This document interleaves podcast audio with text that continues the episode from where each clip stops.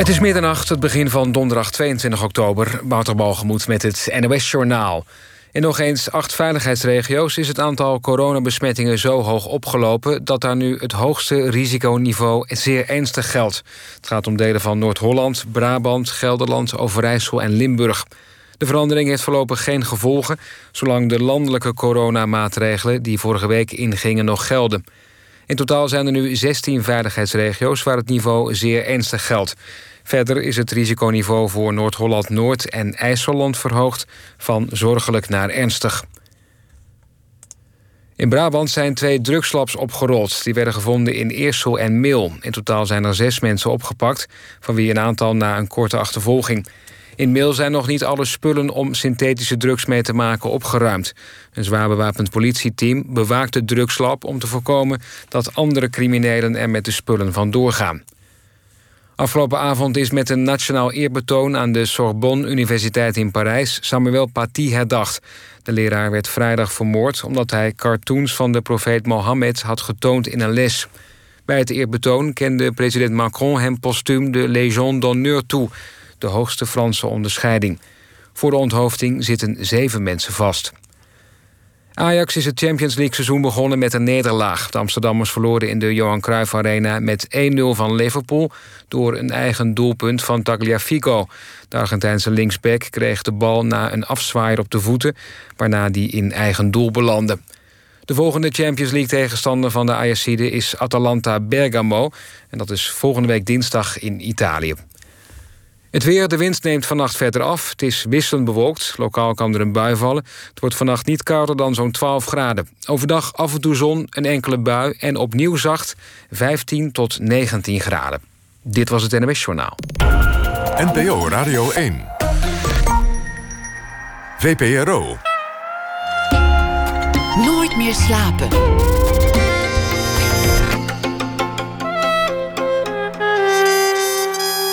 Met Pieter van der Wielen. Goedenacht, dit is Nooit meer slapen. Alweer 15 jaar geleden schreef paleo-bioloog Jelle Reumer een leuk boekje. De naakte aap heette dat. En waar het in het boekje op luchtige wijze om ging... was dat in de natuur meestal het evenwicht vanzelf terugkomt. Te veel konijnen in de duinen, je hebt geen jager nodig, er komt vanzelf een konijnenziekte en hop, alles terug in balans. En dus zou ook de meest ontplofte der diersoorten de mens er uiteindelijk aan moeten geloven, betoogde hij toen, 15 jaar geleden al. Kortom, een pandemie was onvermijdelijk. Nu, vele jaren later, midden in die pandemie, klinkt die voorspelling van toen allerminst luchtig. Te veel heet het uh, nieuwe boek van Reumer. En het is min of meer een bewerking van het vorige boek. Het uh, benoemt de olifant in de kamer, namelijk overbevolking. Vijftien jaar geleden begon hij zijn boekje met de stelling dat we met 6 miljard waren. En nu zijn we al met 7,8 miljard. En de meeste problemen die zijn daar uiteindelijk op terug te voeren. We zijn met te veel. Maar wacht, haal die vinger nog heel even van de trekker van je Twitter-account. Jelle Reumer is helemaal geen mensenhater, geen misantroop, geen engert. Zijn betoog is juist zachtaardig te noemen. Maar dat komt straks allemaal. Jelle Reumer werd geboren in 1953, was lange tijd directeur van het Natuurhistorisch in Rotterdam. En hij is hoogleraar geweest in Utrecht en inmiddels gepensioneerd. Jelle, hartelijk welkom. Leuk dat je er bent. Ja, Pieter, insgelijks. 6 miljard schreef je toen. En, en, en dat had als lading van god, dat is, dat is eigenlijk best een hoop. Wat zijn we met veel? Ja, dat was inderdaad, uh, vond ik toen al veel. Overigens, het boekje heette niet De Naakte Aap, dat was van Desmond Morris. De ontplofte aap. De ontplofte aap, maar dat geheel terzijde. Je hebt helemaal gelijk. Uh, ja, Want een ontplofte diersoort, dat is een diersoort waar er ineens veel te veel van zijn. Ja, het is een soort invasieve exoot. Hè. Uh, waar hebben we nu in dit land op dit moment last van? Japanse duizendknoop is daar misschien een goed voorbeeld van. Koningskrabben dus, in de Noordzee. Ja, dat soort dingen. De muskusratten zijn natuurlijk heel lang een probleem geweest. Echt zo'n invasieve exoot. En, en, en eigenlijk het doel van, van de ontplofte aap destijds was om de mens te, te omschrijven als een invasieve exoot. We waren oorspronkelijk natuurlijk uit Afrika afkomstig. We zijn gewoon eigenlijk een Afrikaanse apensoort. Die op een of andere manier, en dat heeft hij zelf bewerkstelligd, over de hele aarde verspreid is geraakt. En, uh, en in aantal ontploft. En die 6 miljard in 2005, dat vond ik toen al heel veel. En het komt voor een deel ook omdat, je zei het net al, ik, ik ben geboren in 1953. En toen waren er iets van tussen de 2,6 en 2,7 miljard mensen. En dat vonden ze toen ook al heel veel. Ja, dat was toen ook wel heel veel. Ik heb toevallig uh, vorige week zitten kijken... Uh, en waarschijnlijk ook een heleboel van de luisteraars hebben dat al gedaan... naar die nieuwe film van David Attenborough. A Life on Our Planet. Ook een beetje zijn, uh, zijn testament eigenlijk. Hè? De, de man is inmiddels 94. En als je die film kijkt, dan wordt er af en toe zo'n zo'n zo'n ronddraaiende teller wordt er gepresenteerd. die een aantal getallen aangeeft het CO2-gehalte in de atmosfeer, het percentage aardoppervlak wat we nog natuur mogen noemen, en het menselijke, uh, de menselijke bevolkingsaantal. En dan de getallen die tijdens zijn Ja. leven. Want toen hij geboren werd. Attenborough is natuurlijk heel oud, die is uit 1926. Toen waren er 2 miljard mensen. En dat zijn er twee keer zoveel als 125 jaar daarvoor, zeg maar zo rond de tijd dat Napoleon leefde, het jaar 1800 ongeveer. Toen waren er 1 miljard mensen. Dus in die 125, 126 ongeveer jaar is die hoeveelheid verdubbeld van 1 miljard naar 2 miljard. Nou, inmiddels eh, waren we in 2005 aangeland toen ik de ontplofte aap schreef. En toen was dat aantal van 2 miljard verdrievoudigd. In, in een veel kortere periode. En nu zitten we inmiddels op 7,8 miljard. Je hebt van die websites, en dan kun je die teller ook gewoon zien lopen. Eh, World, Worldometer is er één. Eh, en dan zie je die getallen, die zie je dus echt krankzinnig oplopen. Dus we zitten nu op 7,8 miljard. En ehm, ja, we gaan nog meemaken dat het over de 8 schiet binnenkort. En, eh, en, en dat loopt nog wel een, loopt nog wel een tijdje door. En Nou zijn, nou zijn er demografen die, die voorspellen dat het dan op een gegeven moment wel zijn plafond zal bereiken. Dat zijn allemaal projecties. En dat uiteindelijk de wereldbevolking weer zal afnemen. Uiteindelijk, uiteindelijk wel. Uiteindelijk gaat natuurlijk de wal het schip een keer, eh, een keer keren. Niks is, niks is oneindig aan het groeien. Dat, dat, dat kan niet. Ik geloof dat alleen nog economen denken dat oneindige groei mogelijk is. Maar voor biologen is dat al iets heel idioots, oneindige groei. Dat kan gewoon niet. Eh, dus de wal gaat het schip een keer keren. En we zien dat overigens al wel in, en daar kunnen we het uitgebreid over hebben nog, wat daar de oorzaak van is in grote delen van de wereld. Wat wij dan de ontwikkelde wereld noemen, of de westerse wereld. En dan heb ik het dus over Europa, Noord-Amerika, Japan bijvoorbeeld ook. Daar is het bevolkingsaantal is weer aan het, aan het krimpen. In ieder geval het, het, het aantal eh, kinderen wat, wat geboren moet worden om, om, om de bevolking stabiel te houden. Dat is, daar kunnen we het ook over hebben. Dat is een, dat is een, dat is een mooi getal, is 2,1. Het Het vervangingsgetal. vervangingsgetal, ja. Twee Dat mensen maken twee kinderen. Dus het, het, het, gaat wel zakken. En, en er is inderdaad een studie eh, gepubliceerd dit, deze zomer in, in The Lancet. hè, bekend eh, tijdschrift, The Lancet, een medisch tijdschrift. Ehm, van Amerikaanse demografen. Die, die hebben eigenlijk voor alle landen van de wereld... hebben ze een, een, een prognose gemaakt van de bevolkingsgroei die daar nog... of krimp eventueel, die daar nog te verwachten valt. En eh, daar staat in dat de wereldbevolking nog zal groeien tot, tot bijna 10 miljard. Dat wordt net niet gehaald in het jaar 2064. Dan, dan bereiken we de top. En daarna gaat het zakken. En dan voor het jaar 2100 zitten we al onder de 9 miljard. Maar goed, het zijn er altijd nog veel meer dan, eh, dan, dan we er nu hebben. Dat zijn natuurlijk prognoses met enorme marges. Hè. Het, het, ik weet niet wie die flauwe uitspraak ooit gedaan heeft dat voorspellen moeilijk is, vooral als het over de toekomst gaat. Dus daar zitten enorme marges in die, in die, in die prognoses. Dat hangt natuurlijk af van een heleboel factoren. Eh, waaronder ook pandemieën natuurlijk, eh, hongersnoden, oorlogen, genocides, eh, economische ontwikkeling, bereikbaarheid van voorboedsmiddelen, family planning en al dat soort zaken. En, en ook dingen die we nog helemaal niet kunnen voorspellen. Maar dat, dat zijn redelijk accurate prognoses met een grote foutenmarge. Die er inderdaad op duiden dat we voorlopig nog even blijven doorgroeien tot ergens in de jaren 2060. En daarna gaat het zakken. Langzaam.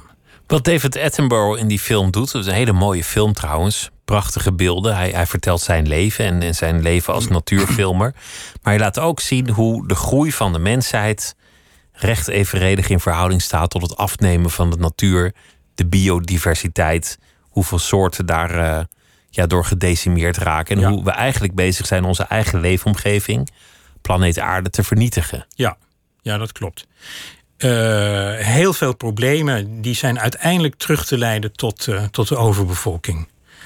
Uh, en dan heb je het dus over, ja, over de klimaatverandering, CO2-uitstoot, overbevissing, teleurgang van de biodiversiteit. Ik bedoel, als je ziet hoe ook nu weer op, de laatste jaren ook Amazone verder wordt, wordt omgehakt en platgebrand.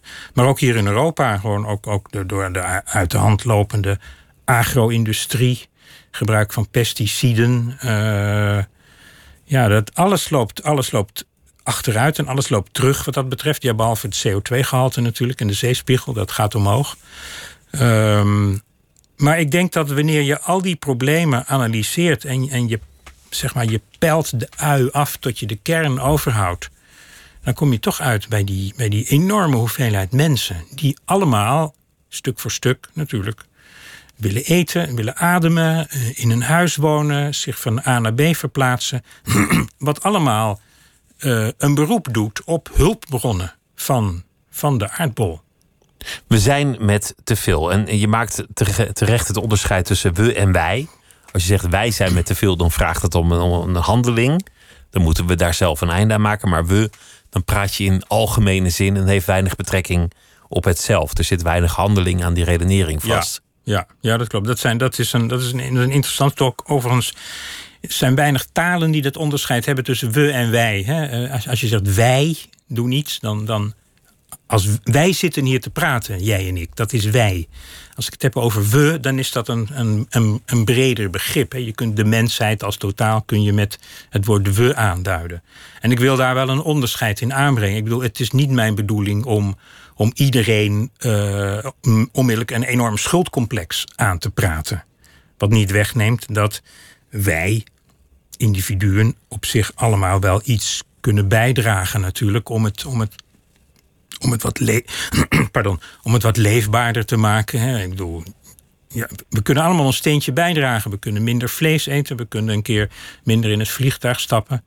Dat wel. Maar het is natuurlijk ook. Het is zeker niet de bedoeling. En ik hoop dat ik dat in het, in het eh, eh, boek ook duidelijk omschrijf.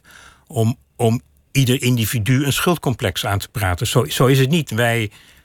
Als ik het over we heb, dan is het gewoon over de diersoort Homo sapiens. Je bekijkt het als een bioloog en dit is je analyse. Ja. De, het is zelfs een keer overwogen om dat in het uh, diagnostisch handboek der psychiaters op te nemen. Mensen die al het wereldleed op zichzelf betrekken. Ja, zelfbetrekkingszwaan heet dat. Hè? Ja, ja, ik geloof dat het niet een officiële diagnose heeft gekregen uiteindelijk. Maar het bestaat dat mensen bij elk wereldleed denken: oh god, dat komt door mij, ik moet hier iets aan doen. En die gaan daar verstandig om, onder om, op die manier, om op die manier in het leven te staan. Nou, je wordt er volgens mij niet heel gelukkig van. Nee. En het helpt ook trouwens uiteindelijk helemaal niet. niet. Nee. Het helpt ook niet. Nee. Nou, nou, had je het 15 jaar geleden over dat de natuur uiteindelijk het evenwicht wel herstelt. Je, je kunt dat zien wanneer je bijvoorbeeld wijn gaat maken. Gistcellen maken alcohol. Ja. Tot ze zoveel alcohol hebben gemaakt dat ze zelf niet overleven. En dus blijft het alcoholpercentage vanzelf op een prettig niveau hangen.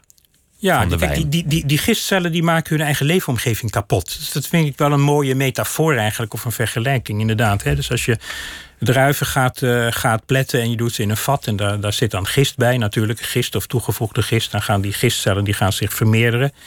En die zetten de suikers uiteindelijk om in, uh, in, in, in alcohol en allerlei andere uh, lekkere stofjes. Uh, en dat alcoholpercentage kan oplopen tot zo'n 12, 13 procent ongeveer in dat gistende vat. En dan wordt het voor die gistcellen wordt het onleefbaar. Dat wordt te veel. Daar kunnen ze niet meer tegen. Dus dan gaan ze dood. Uh, en dan houdt het op. Dus dan, dan is de wijn, zeg maar, dan is de wijn klaar. Hè. Dan moet het in flessen gedaan worden en vervolgens lekker opgedronken. Uh, maar dat, dat toont dus aan dat wanneer je zo'n soort hebt, en dat is in dit geval gist. Dat is ook een organisme, net als wij mensen een organisme zijn. Uh, die gist die, ja, die blijft zich dus ongebreideld uh, voortplanten. Hè, die geniet in dat, in dat heerlijke bad van, van suiker. maar op een bepaald moment is het gewoon op. En dan is de omgeving is verziekt door al die, al, die, al die smeerpijperij die ze produceren. Dat is dan de alcohol, waar ze uiteindelijk niet tegen kunnen. En ja, dat, dat, is een, dat vind ik op zich wel een aardige vergelijking. Want de, de, de, de mensheid is natuurlijk ook bezig om de aarde te verzieken. Wij stoten dan een hoop CO2 uit. En we doen een hoop andere ellende. We, we, we, produceren enorm veel pesticiden. Nou, daar gaan de insecten van uh, dood. En dat hebben we misschien niet meteen in de gaten. Maar we zijn voor het grootste deel van onze voedselvoorziening volstrekt afhankelijk van insecten. Uh, dus uiteindelijk krijg je iets vergelijkbaars. Dat, dat, dat we onze, onze leefomgeving zodanig verpesten dat het voor onszelf onleefbaar wordt. Wat er dan vaak gebeurt, is, is een ziekte. Een, bekend voorbeeld, dat, dat waren de konijnen in de Kennemer Duinen in, in Noord-Holland. Er waren er te veel van. En toen uiteindelijk, na heel veel dingen die geprobeerd waren, loste het probleem zich vanzelf op. Want er brak een, een besmettelijke ziekte uit. Ja, en dan heb je ineens veel minder konijnen. Maar en, en dat, kijk, dat, dat is dan zielig voor die konijnen.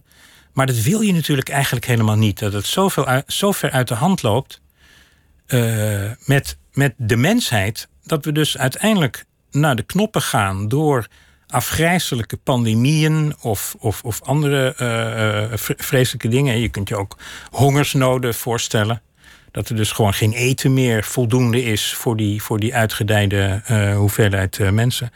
En je kunt je ook uiteindelijk oorlogen en genocides voorstellen. Kijk, wat in de, als je de menselijke groeicurve ziet, hè, die loopt heel langzaam vanaf het jaar nul ongeveer. Toen waren er iets van 200 miljoen mensen waarschijnlijk. En dan loopt het heel langzaam op. Ik zei het, in 1800 had je er dan 1 miljard. Er zit in die curve, daarna gaat het dus helemaal omhoog. daarna ontploft het. Maar in die curve zit een deuk. En die deuk die, die zie je optreden in de 14e eeuw. De pestepidemie. ja, dat is, dat is een van de twee redenen in die deuk. De pestepidemie. Dus dan, dan, dan krijg je vanuit Azië op een of andere manier... komt die pest hierheen met, met knaagdieren, met ratten voornamelijk. En vlooien dus uiteindelijk ook als tussengastheer. Uh, en die pest zorgt ervoor dat in Europa een enorme hoeveelheid mensen doodgaan. Mensen stierven letterlijk als vliegen. Uh, steden waar, waar de helft tot driekwart van de bevolking doodging. Dat kun je je niet voorstellen. Zelfs nu, nu we met die COVID-19-pandemie zitten, kun je dat niet voorstellen. Dat in een, in een, in een stad als Amsterdam bijvoorbeeld, hè, daar wonen geloof ik iets van 800.000 mensen, dat daar in een paar jaar tijd uh, eh, 400.000 mensen doodgaan. En die liggen dus gewoon op straat te creperen. Er liggen dus stapels mensen dood te gaan, dood te zijn. Uh, dat, is, dat is allemaal niet meer weg te werken. Dus dan moet er uiteindelijk moeten er enorme kuilen gegraven worden. Dat deden ze toen in de 14e eeuw. Hè. De mensen konden helemaal niet meer netjes begraven worden. Uh, dus er werden gewoon massagraven gemaakt. En die mensen werden er allemaal ingesmeten. En dat werd weer dichtgegooid. En dat, uh, nou, op naar het volgende massagraf. Dat is niet voor te stellen. Dus dat is, dat is een van de dingen. Ik geloof dat er iets van, van 65 of 70 miljoen mensen toen in Europa zijn gestorven aan de pest. 40% van de toenmalige Europese bevolking. Ja, kun je het je voorstellen? Dus dat is, dat is, dat is apocalyptisch. En, en, en daar kwam natuurlijk ook nog hongersnood uit voort en, en oorlog. en mensen ja, gingen, de hele economie is dan, ligt dan ook op zijn gat. Mensen gingen elkaar de hersens inslaan en, en de Joden kregen de schuld. Dus dat, dat kwam er allemaal nog bij. Ja, dat kwam er allemaal bij. Dus dan krijg je ook van die genocide-achtige dingen erbij. Maar tegelijkertijd, ook in de 14e eeuw, speelden er uh, in Azië uh, enorme oorlogen tussen bevolkingsgroepen daar, uh, Mongolen, Chinezen, weet ik veel allemaal, die ongeveer datzelfde uh, aantal slachtoffers vergden. Dus in, in, die tijd dat er in Europa ongeveer zo tegen de 70 miljoen mensen doodgingen aan, aan, aan de pest en de gevolgen daarvan, werden er in Azië ongeveer 70 miljoen mensen over de kling gejaagd in oorlogen en genocides. En dat bij elkaar leverde dus de enige echte deuk op die zichtbaar is in de, in de menselijke bevolkingsgroei. Verder is het altijd doorgaan. Tweede Wereldoorlog, Eerste Wereldoorlog, uh, andere ziektes, TBC, cholera. Het heeft eigenlijk allemaal die groei nauwelijks afgeremd. Heeft het nauwelijks, nee, dat, waren, eh, dat klinkt natuurlijk ongelooflijk cynisch.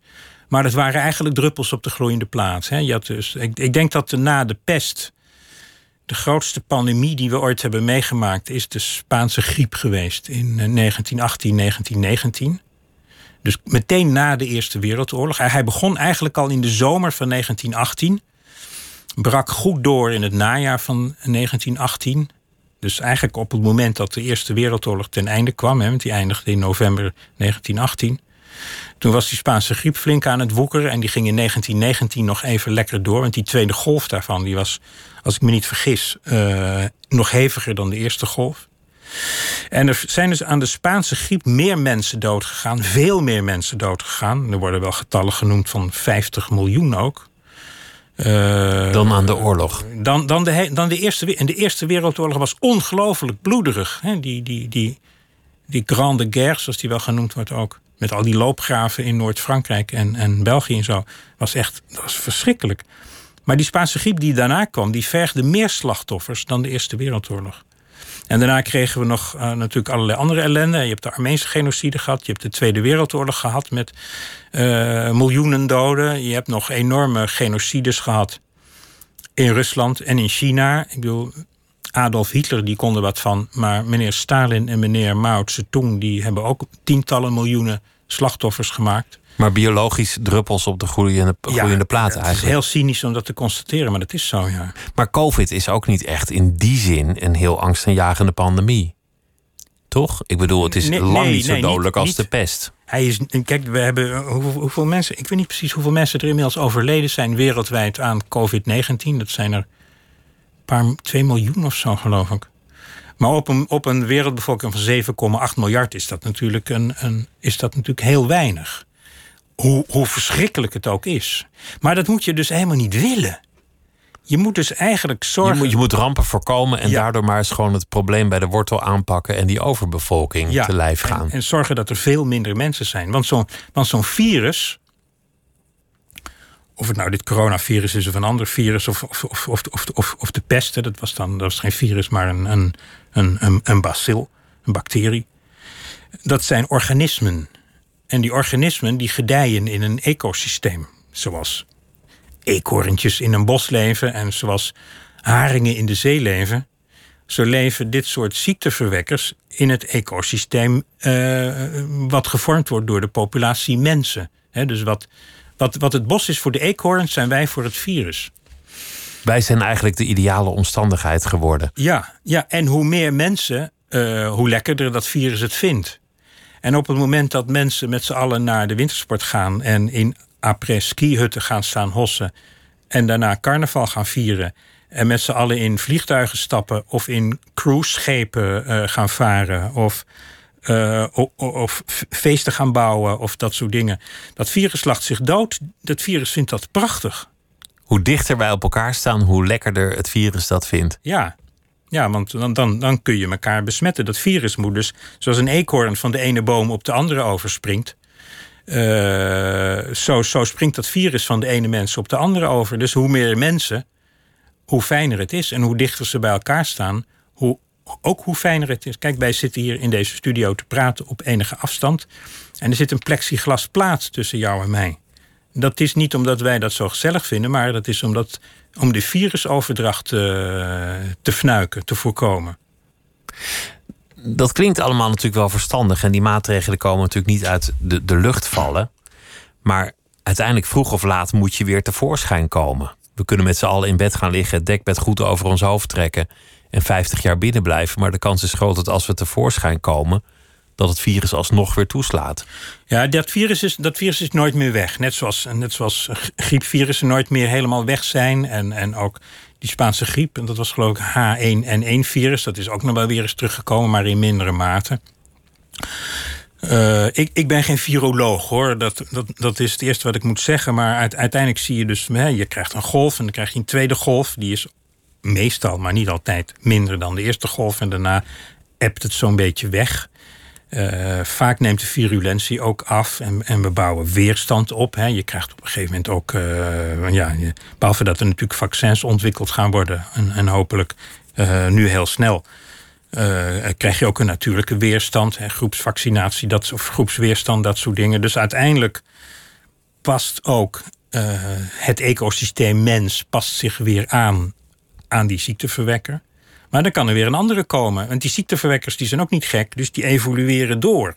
Want, het, want, want de kern van jouw betoog is het ecosysteem, overbevolking is gewoon ideaal voor virussen. Dus die zullen snel ontstaan, die zullen zich snel verspreiden. Ja. Die vinden dat prachtig. Dit, dit voorspelde je 15 jaar geleden al in een, in een luchtig boekje, De Naakte Aap.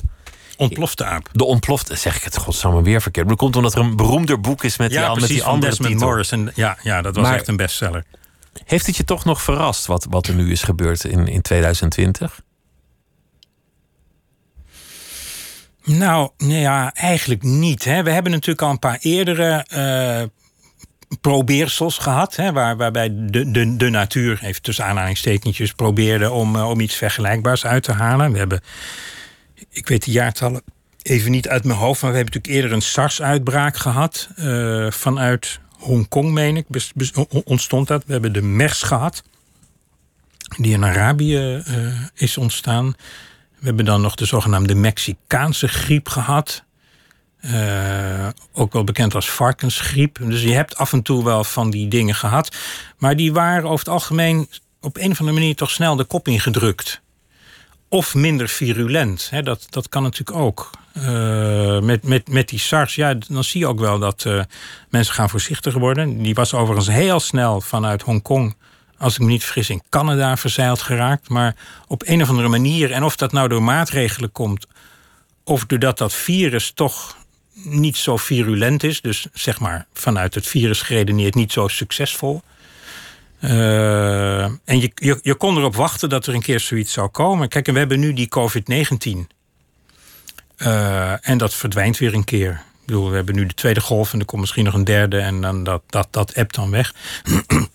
maar je kunt er gif op innemen dat we over een aantal jaren weer iets vergelijkbaars krijgen. En hoe, hoe, hoe de wetenschappers dat dan gaan noemen, of dat SARS-3 wordt of weet ik veel, dat, dat is nu weer iets anders. Eh, maar je hebt, af en, toe, je, hebt af en toe van die. Je hebt natuurlijk ook ebola, wat heerst in, in Afrika. Daar wordt heel voorzichtig mee omgesprongen. Dan is het weer even weg, maar dan duikt het ineens toch weer ergens tevoorschijn. We hebben natuurlijk ook het, het, het HIV gehad, hè, het virus wat AIDS veroorzaakt. Wat heel veel ellende en ook heel veel slachtoffers heeft, heeft gevergd. Dus af en toe komt dat gewoon, eh, ja, af en toe speelt zich zoiets af. Eigenlijk niet zo bi- bijzonder in die zin. Dat verminderen van, van de wereldbevolking, dan denken mensen meteen aan draconische maatregelen. Dat je, dat je hele nare, gemene dingen moet doen. We hebben het nu ook over gewelddadige dingen als genocides en oorlogen. Ja, dat is heel vervelend. Maar ja. de, de maatregelen die jij voorstelt, of David Attenborough of, of veel anderen, die zijn eigenlijk heel zachtaardig. ja, Zorg voor een goed pensioen, bijvoorbeeld. ja, dat zijn eigenlijk drie maniertjes of middelen die, die, die je zou kunnen hanteren om de, om de aantallen eh, langzaam terug. Het moet ook weer niet te snel, hè, maar om de aantallen langzaam te laten teruglopen. Eh, en dat is, de, eerste is eh, beschikbaarheid wereldwijd van voorbehoedmiddelen en family planning. De tweede is onderwijs, met name aan meisjes en vrouwen. Er is echt aangetoond dat naarmate het onderwijsniveau van meisjes en vrouwen stijgt, het aantal kinderen daalt wat ze krijgen. En de derde is een, eh, een, een, een, een fatsoenlijke, al is het hele basale uh, oude dagsvoorziening, een pensioenvoorziening, zo'n soort AOW-achtige constructie. Kijk, kinderen worden op heel veel plaatsen in deze wereld nog steeds gekregen als een, als een oude dagsvoorziening. He, wanneer je oud en krakkemikkig en, en, en hulpbehoevend bent geworden, dan heb je kinderen nodig om voor je te zorgen. Om, om, om, om, om eten voor je te kopen, om, om te zorgen dat je überhaupt eten kunt kopen. Uh, om je van A naar B te, te, te, te, te brengen. Te brengen. dus je hebt kinderen nodig als oude dagvoorziening. Op het moment dat er een fatsoenlijke pensioenregeling is, kun je zelf je eten kopen. Heb je die kinderen daar niet voor nodig? Kun je ook, zoals in, in, in Nederland is dat natuurlijk uitstekend geregeld. Hè? Al kort na de Tweede Wereldoorlog hebben we hier de AOW gekregen. We hebben ook bedrijfspensioenregelingen. Er wordt natuurlijk wel veel over gediscussieerd nu, over of daar gekort moet worden of niet. Maar zelfs met korting hebben wij natuurlijk, als je het vergelijkt met heel veel andere landen in de wereld, hebben wij een uitstekende pensioenvoorziening. Uh, er is in dit land niemand die. Maar goed, uh, ik kan me vergissen, maar ik denk het niet. Er is niemand die in dit land volledig afhankelijk is van zijn kinderen om in leven te blijven als die oud en hulpbehoevend is. En zo'n, voor zo'n pensioenvoorziening heb je natuurlijk wel een zekere economische ontwikkeling nodig. Uh, dus dat is wel een belangrijk aspect. Welvaartsdeling. Hè? Uh, dus heel veel landen waar het gewoon heel arm is op deze wereld, daar is dat lastig. Heel veel landen hebben überhaupt geen pensioenvoorziening. En, en, en daar krijgen mensen dus ook kinderen ja, als oude dagsvoorziening. En omdat het vaak ook landen zijn waar um, de gezondheidszorg uh, in een deplorabele staat verkeert, waar, waar dus hoge kindersterfte heerst, moet je ook meteen heel veel kinderen zien te krijgen. Om te zorgen dat er in ieder geval nog een stuk of twee, drie in leven zijn. als je oud en hulpbehoevend bent geworden. Dus pensioen, een, een, een hele basale pensioenvoorziening. En dat, dat, dat, is, dat verzin ik niet hoor, maar daar zijn ook heel veel studies naar gedaan. Dus op het moment dat de pensioenvoorziening kwalitatief beter wordt, daalt het, het, het kinderaantal. En dat geldt dus ook voor onderwijs uh, aan meisjes en vrouwen. En dat geldt ook voor, dat, dat, is natuurlijk, dat spreekt helemaal voor zich, beschikbaarheid van, van voorboedsmiddelen en family planning. En het gekke is, dat is in heel veel kringen en in heel veel landen op deze wereld nog steeds een probleem. We gaan het straks hebben over andere aspecten van jouw loopbaan. Maar eerst gaan we luisteren naar een, uh, een liedje van Jan Teertstra. Want die heeft een uh, album gemaakt met uh, zijn interpretaties van oud werk van Robert Long. En hij is in het dagelijks leven een van de bandleden van Spinvis. Het is een heel aardig album geworden. En dit is een van die liedjes aan het eind van de liefde. Het regent nog steeds, de straten zijn nat. Het is nacht en ik loop door een doodstille stad. Die voor ons op dit uur geen geheimen meer had, al die jaren. Dit huis, dit portiek, hier stond ik met jou. Verliefd en versmolten, geen last van de kou. God, wat hield ik van jou? En we kwamen niet gauw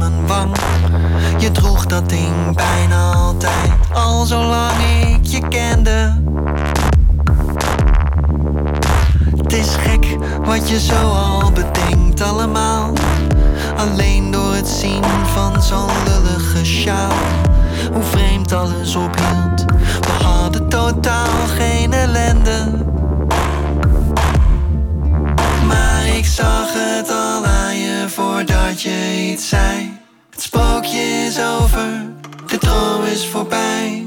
We hebben nog even gepraat. Zoals dat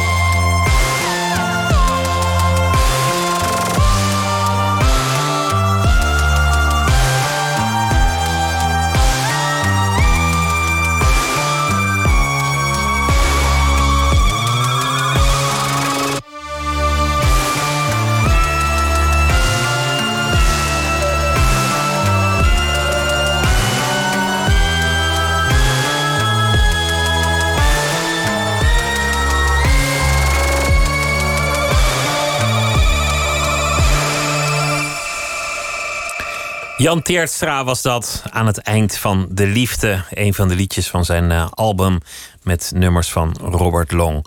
Jelle Reumer is de gast in Nooit meer slapen. Hij heeft een uh, boek geschreven, een essay te veel over overbevolking, biodiversiteit, stadsvossen en de pandemie.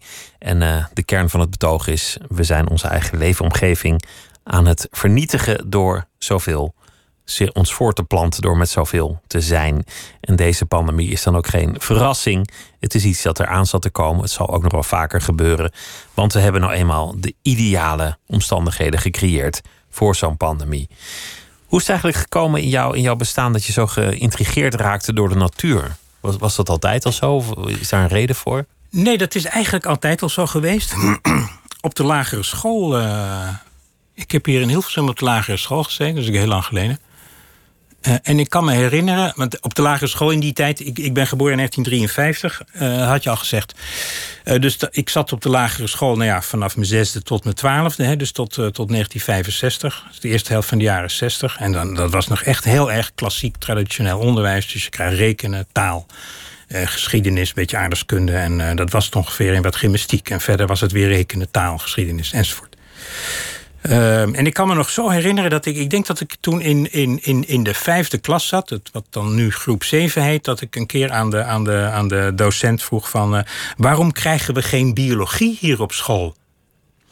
Die man vond dat een hele rare vraag. Uh, had er eigenlijk ook geen fatsoenlijk antwoord op. Maar die zei zoiets van: ja, dat is er niet. Dat doen we niet omdat we dat niet doen. Zo'n soort van: je kunt het wel verzinnen. Zo'n antwoord krijg je dan. Zo'n dooddoener. Uh, dus ik heb dat eigenlijk altijd al wel in me gehad. Ik herinner me ook dat er thuis stonden, we hadden een boekenkast thuis en er stonden ook al wel vogelboeken en dat soort dingen in.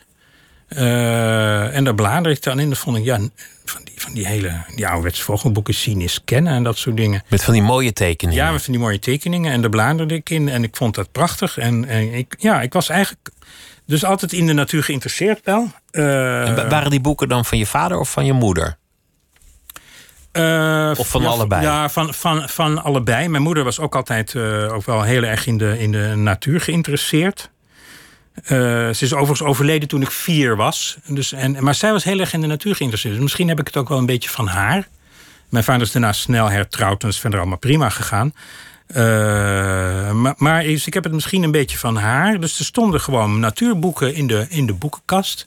En ik herinner me ook dat ik toen ook, als, ik, als er een keer iets te vieren was, of ik had een mooi rapport of Sinterklaas of een verjaardag, kreeg ik ook natuurboeken van die, van die plaatjesboeken van, Walt Disney had je vroeger en zo. Uh, die kreeg ik dan. Dus ik had al heel snel had ik ook zelf wel boeken over de natuur. En op de middelbare school, ik heb hier in Hilversum op de HBS gezeten.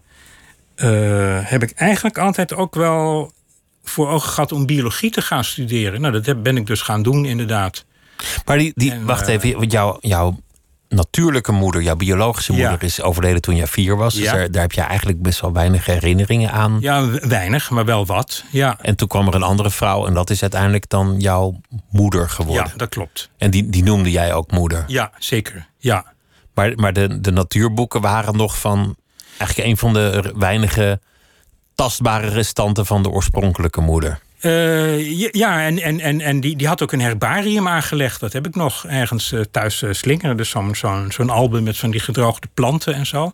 Oh, dus dat lijkt me wel een, een dierbaar erfstuk. Ja, ja, zeker. Dus dat soort dingen. En, en, en wat tekeningen van haar ook en zo. Dus dat heb ik nog wel. Dus het, op een of andere manier zit het wel in mijn genen.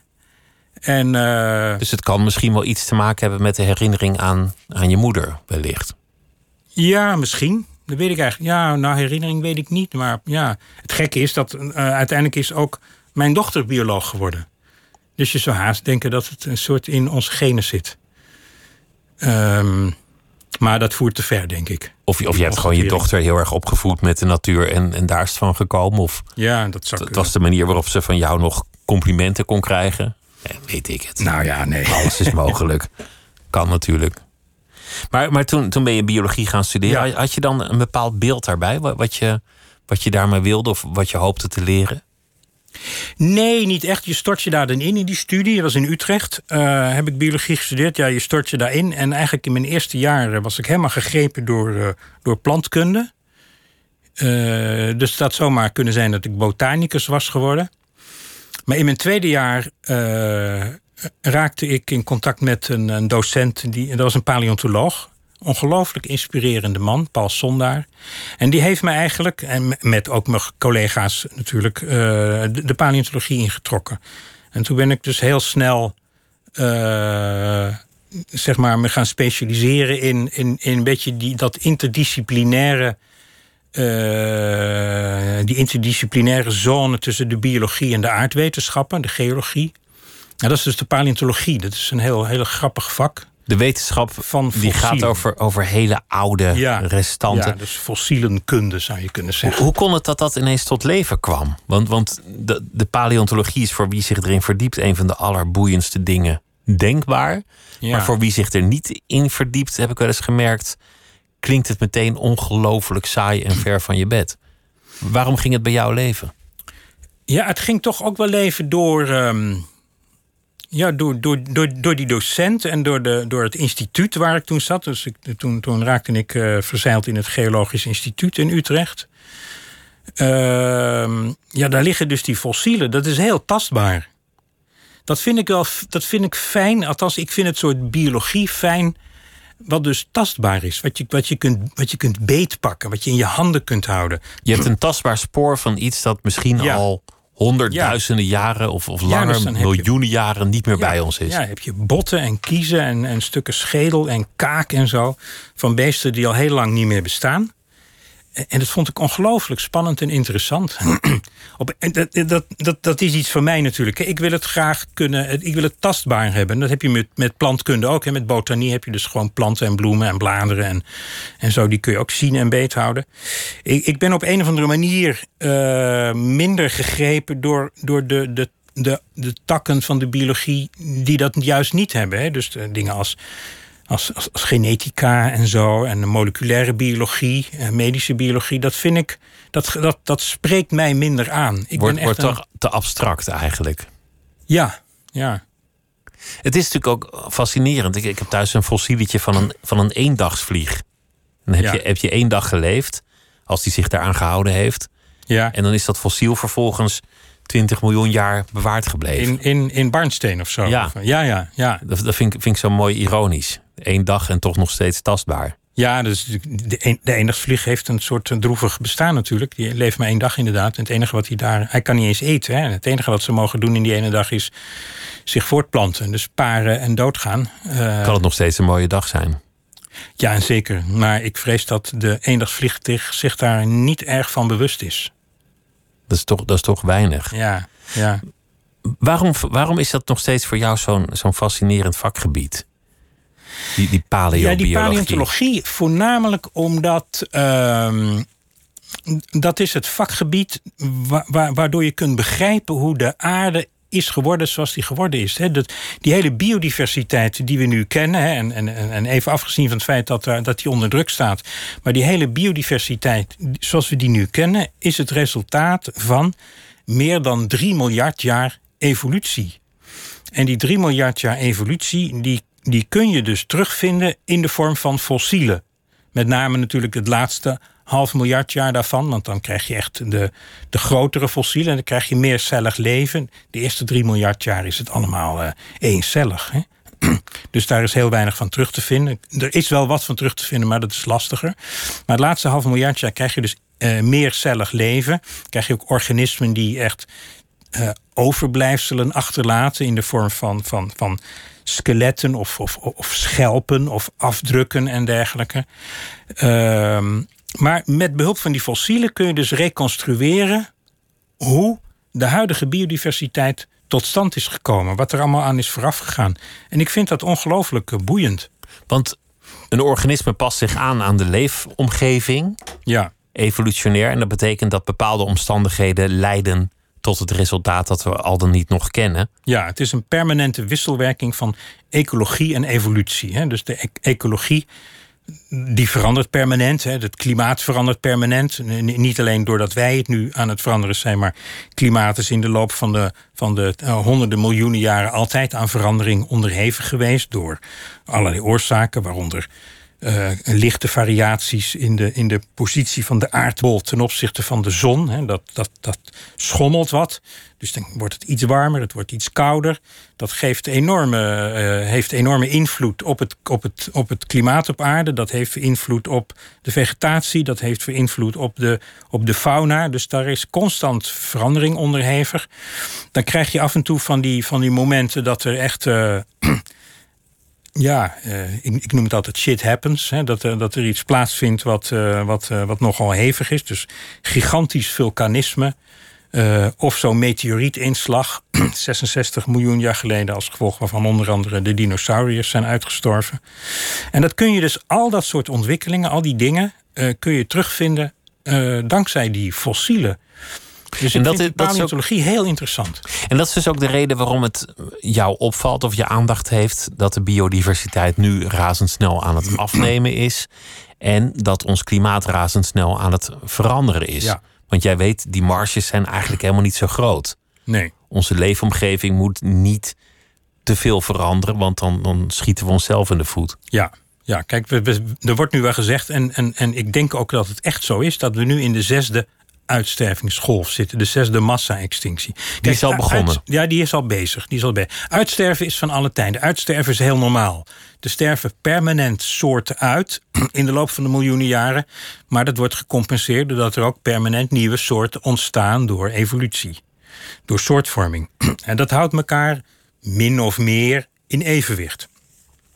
Er zijn van die momenten geweest, en, en, in, de, in de geologische geschiedenis zijn dat er heel veel, maar vijf springen er echt uit. Dat je, dat je spreekt van een, een massa-extinctie, echt een massa-uitstervingsgolf.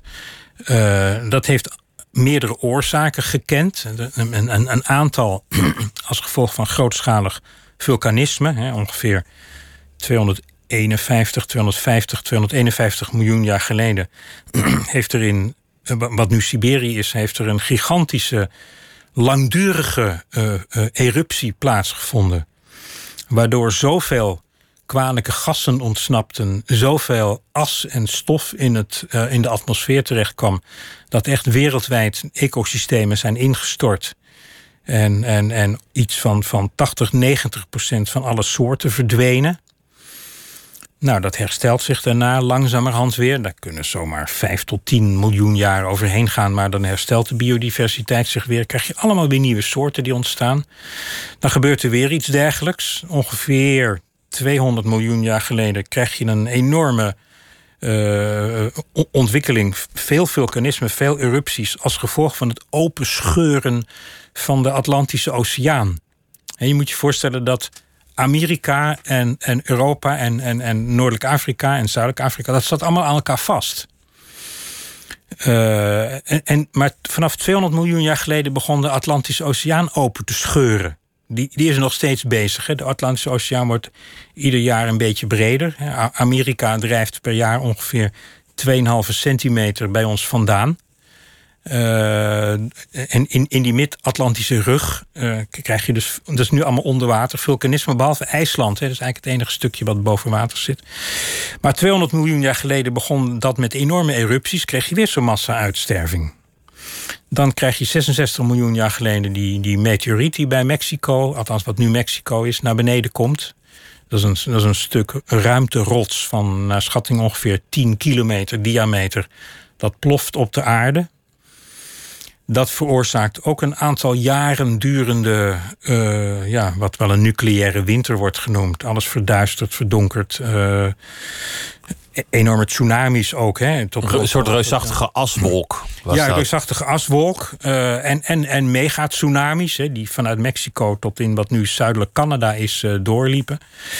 Uh, en alles in hun, hun, hun kielzog vernietigden. Maar die, met name die aswolk, die alles verduisterde. En je kunt je voorstellen, als het een paar jaar donker is op aarde, dan sterft de vegetatie af. Gewoon bij gebrek aan zonlicht. Als de vegetatie afsterft, dan sterven de planteneters uit, want die hebben niks meer te eten. Als de planteneters uitsterven, dan sterven de vleeseters uit, want die kunnen geen planteneters meer eten. Dus je krijgt een soort. Alles soort hangt van, met elkaar samen. Een soort van complete collapse van ecosysteem. Alles hangt met elkaar samen. En, en nou ja, daarna uiteindelijk daalt het stof weer neer na een paar jaar. En, en, wat, we, wat we nu meemaken, deze volgens jou al begonnen massa-extinctie, die is al in gang gezet omdat bijvoorbeeld de insecten massaal aan het sterven zijn. Ja. dus, Nou, dus daarmee zal dat kaartenhuis uiteindelijk dan. Ja, meer natuurlijk. hè. En het is niet dat ik dat constateer hoor. Dat, dat, dat, wordt heel fijn, dat wordt heel veel geconstateerd. Er is langzamerhand ook wel een wetenschappelijke consensus over aan het ontstaan. Dat we nu in de zesde massa-extinctie zitten. Nou, je, je kent wel die publicaties van, van niet zo heel lang geleden. Dat, eh, dat in, in dit deel van Europa 75% van de insectenbiomassa al is verdwenen. Ehm Hoe lang duurt zo'n massa-extinctie? Nou, de, de, die, die extinctie kan langzaam gaan. Da- da- daar kunnen een paar honderdduizend jaar overheen gaan. Zeker met dat soort dingen als dat vulkanisme. Die kan ook heel snel gaan. Hè? Die meteoriet die op aarde klapte, dat is natuurlijk eh, dat is, eh, dat is instantaneous. Dat, is, dat gebeurt in één keer. Dat is een rotklap. Ehm, maar dat gaat toch relatief vrij snel. En, en daarna komt de aarde natuurlijk, dat is wel weer het positieve. De aarde gaat zich altijd weer herstellen. Ik bedoel, Ja, die aarde die overleeft het de uiteindelijk. wel. aardbol overleeft het wel. Die blijft gewoon zijn rondjes draaien. En de zon blijft geloof ik nog 5 miljard jaar eh, doorwerken. En dan houdt hij er een keer mee op. Maar dat, dat is nog heel ver weg. Eh, maar die aarde blijft wel rondgaan. Dus Maar als, stel het, als ook- het een paar honderdduizend jaar duurt, dan zou je toch eigenlijk zeggen: nou ja, komt wel goed. Soorten komen, soorten gaan. Hebben wij onze tijd gehad. Nou ja, dat is natuurlijk, ja, dat is precies, dat is een van de paradoxen waar, eh, waar, waar dit soort redeneringen aan leiden. Hè? Eh, de, de ge- geologen en paleontologen, waaronder ik zelf ook, rekenen natuurlijk in periodes van miljoenen jaren of honderden miljoenen jaren. Hè, dus een, iets iets van 10.000 jaar, dat is gewoon, dat, dat stelt niks voor. Eh, dat is één tijdsframe waarin je kunt redeneren. Het andere tijdsframe is het menselijke tijdsframe. Dat tot volgende week dinsdag reikt ongeveer. Ja, zoiets. En, hè, en politici die, kunnen, die denken nooit verder dan, eh, dan vier jaar, want dan zijn de volgende verkiezingen weer. Eh, dus dat zijn hele, hele andere tijdsframes. En, en kijk, als de zeespiegel stijgt nu. ik heb geen idee hoeveel die nog kan stijgen, maar 125.000 jaar geleden zaten we in een warme tussenijstijd. En toen stond hij een meter of vijf, zes hoger dan nu. St- Stel dat heel Groenland en heel eh, Antarctica smelt, dan staat de zee ook zo weer zes meter hoger dan nu. Dan zou het wel eens allemaal wat sneller kunnen gaan. Daar heeft de aardbol geen last van. En, en, en diersoorten die in Zwitserland of op de Himalaya leven, hebben daar geen last van. Maar de lager gelegen delen van de wereld wel. En dat is toevallig wel. Dat zijn de delen waar de mensen wonen. En Dus- dus, en dus dat, is, dat wil je helemaal niet hebben. Dat moet je zien te voorkomen. Je moet dus echt zien te voorkomen dat de zeespiegel nog 1, 2 of zelfs 6 meter stijgt. Want dat is, wat we dan meemaken, dat is echt apocalyptisch. Het, het is wonderlijk dat, dat zoveel mensen dit al zo lang zeggen en dat er eigenlijk zo langzaam gereageerd wordt. Terwijl je nu ziet als, als zo'n pandemie flink om zich heen grijpt, een, een paar leiders daar gelaten, dat er, dat er reusachtige maatregelen worden genomen die uiteindelijk ook heel duur zijn. Ja, En dan speelt Ja. dat ineens geen rol meer. ja. Nee, dat klopt. Daar zitten dus allerlei krachten achter die wij niet in de hand hebben. Hè? Ik bedoel, op, op dit moment zijn ze in Europa en Brussel ook weer bezig met de nieuwe landbouwregels. En nou ja, dat, wat je eigenlijk zou willen is dat er een eind wordt gemaakt aan het, aan het agro-industrieel complex. Die bio-industrie, de enorme invloed van, van pesticidenfabrikanten. maar dat gaat heel moeizaam. Dat gaat heel moeizaam.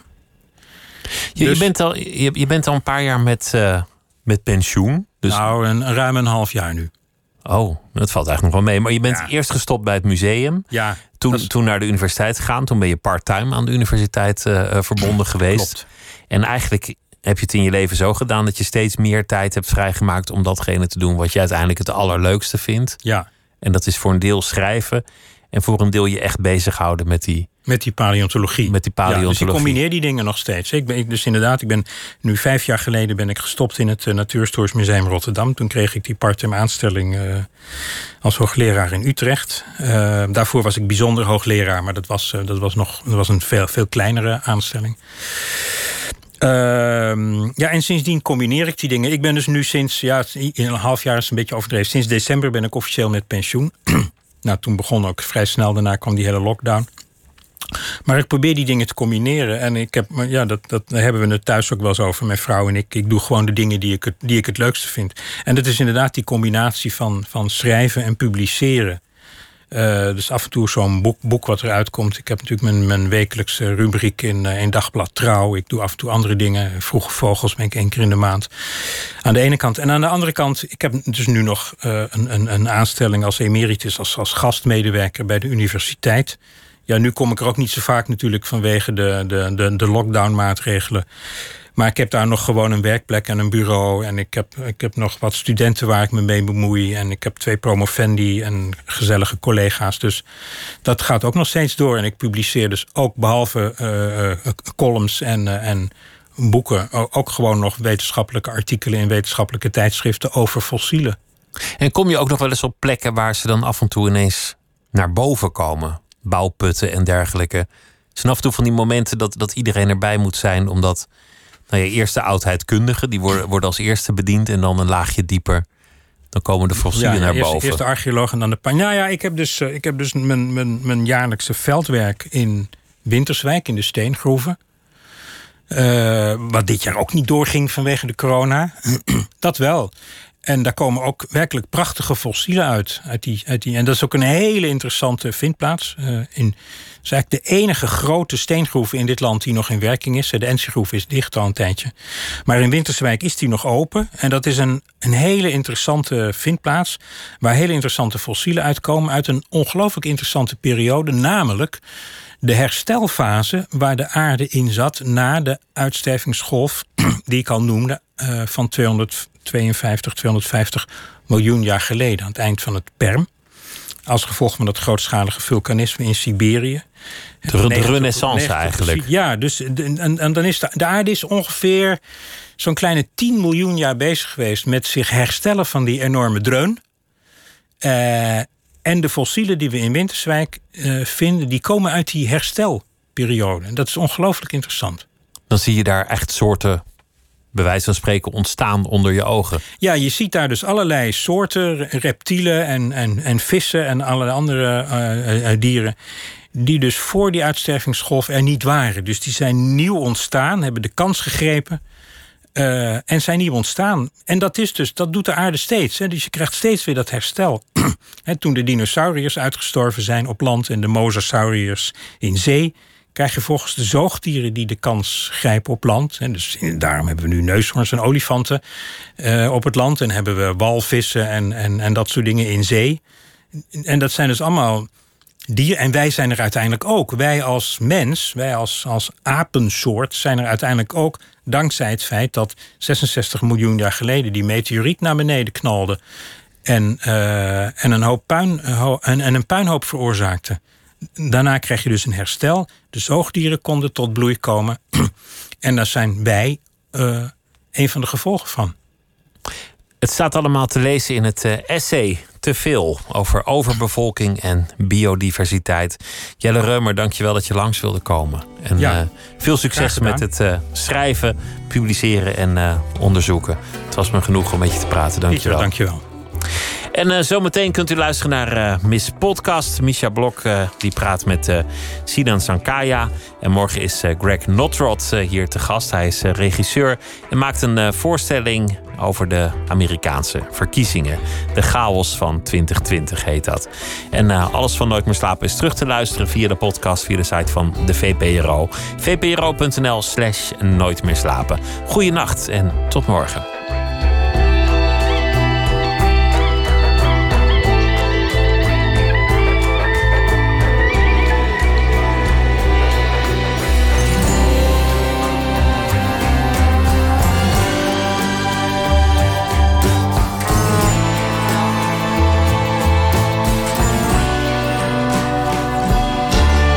Radio 1. Het nieuws van alle kanten.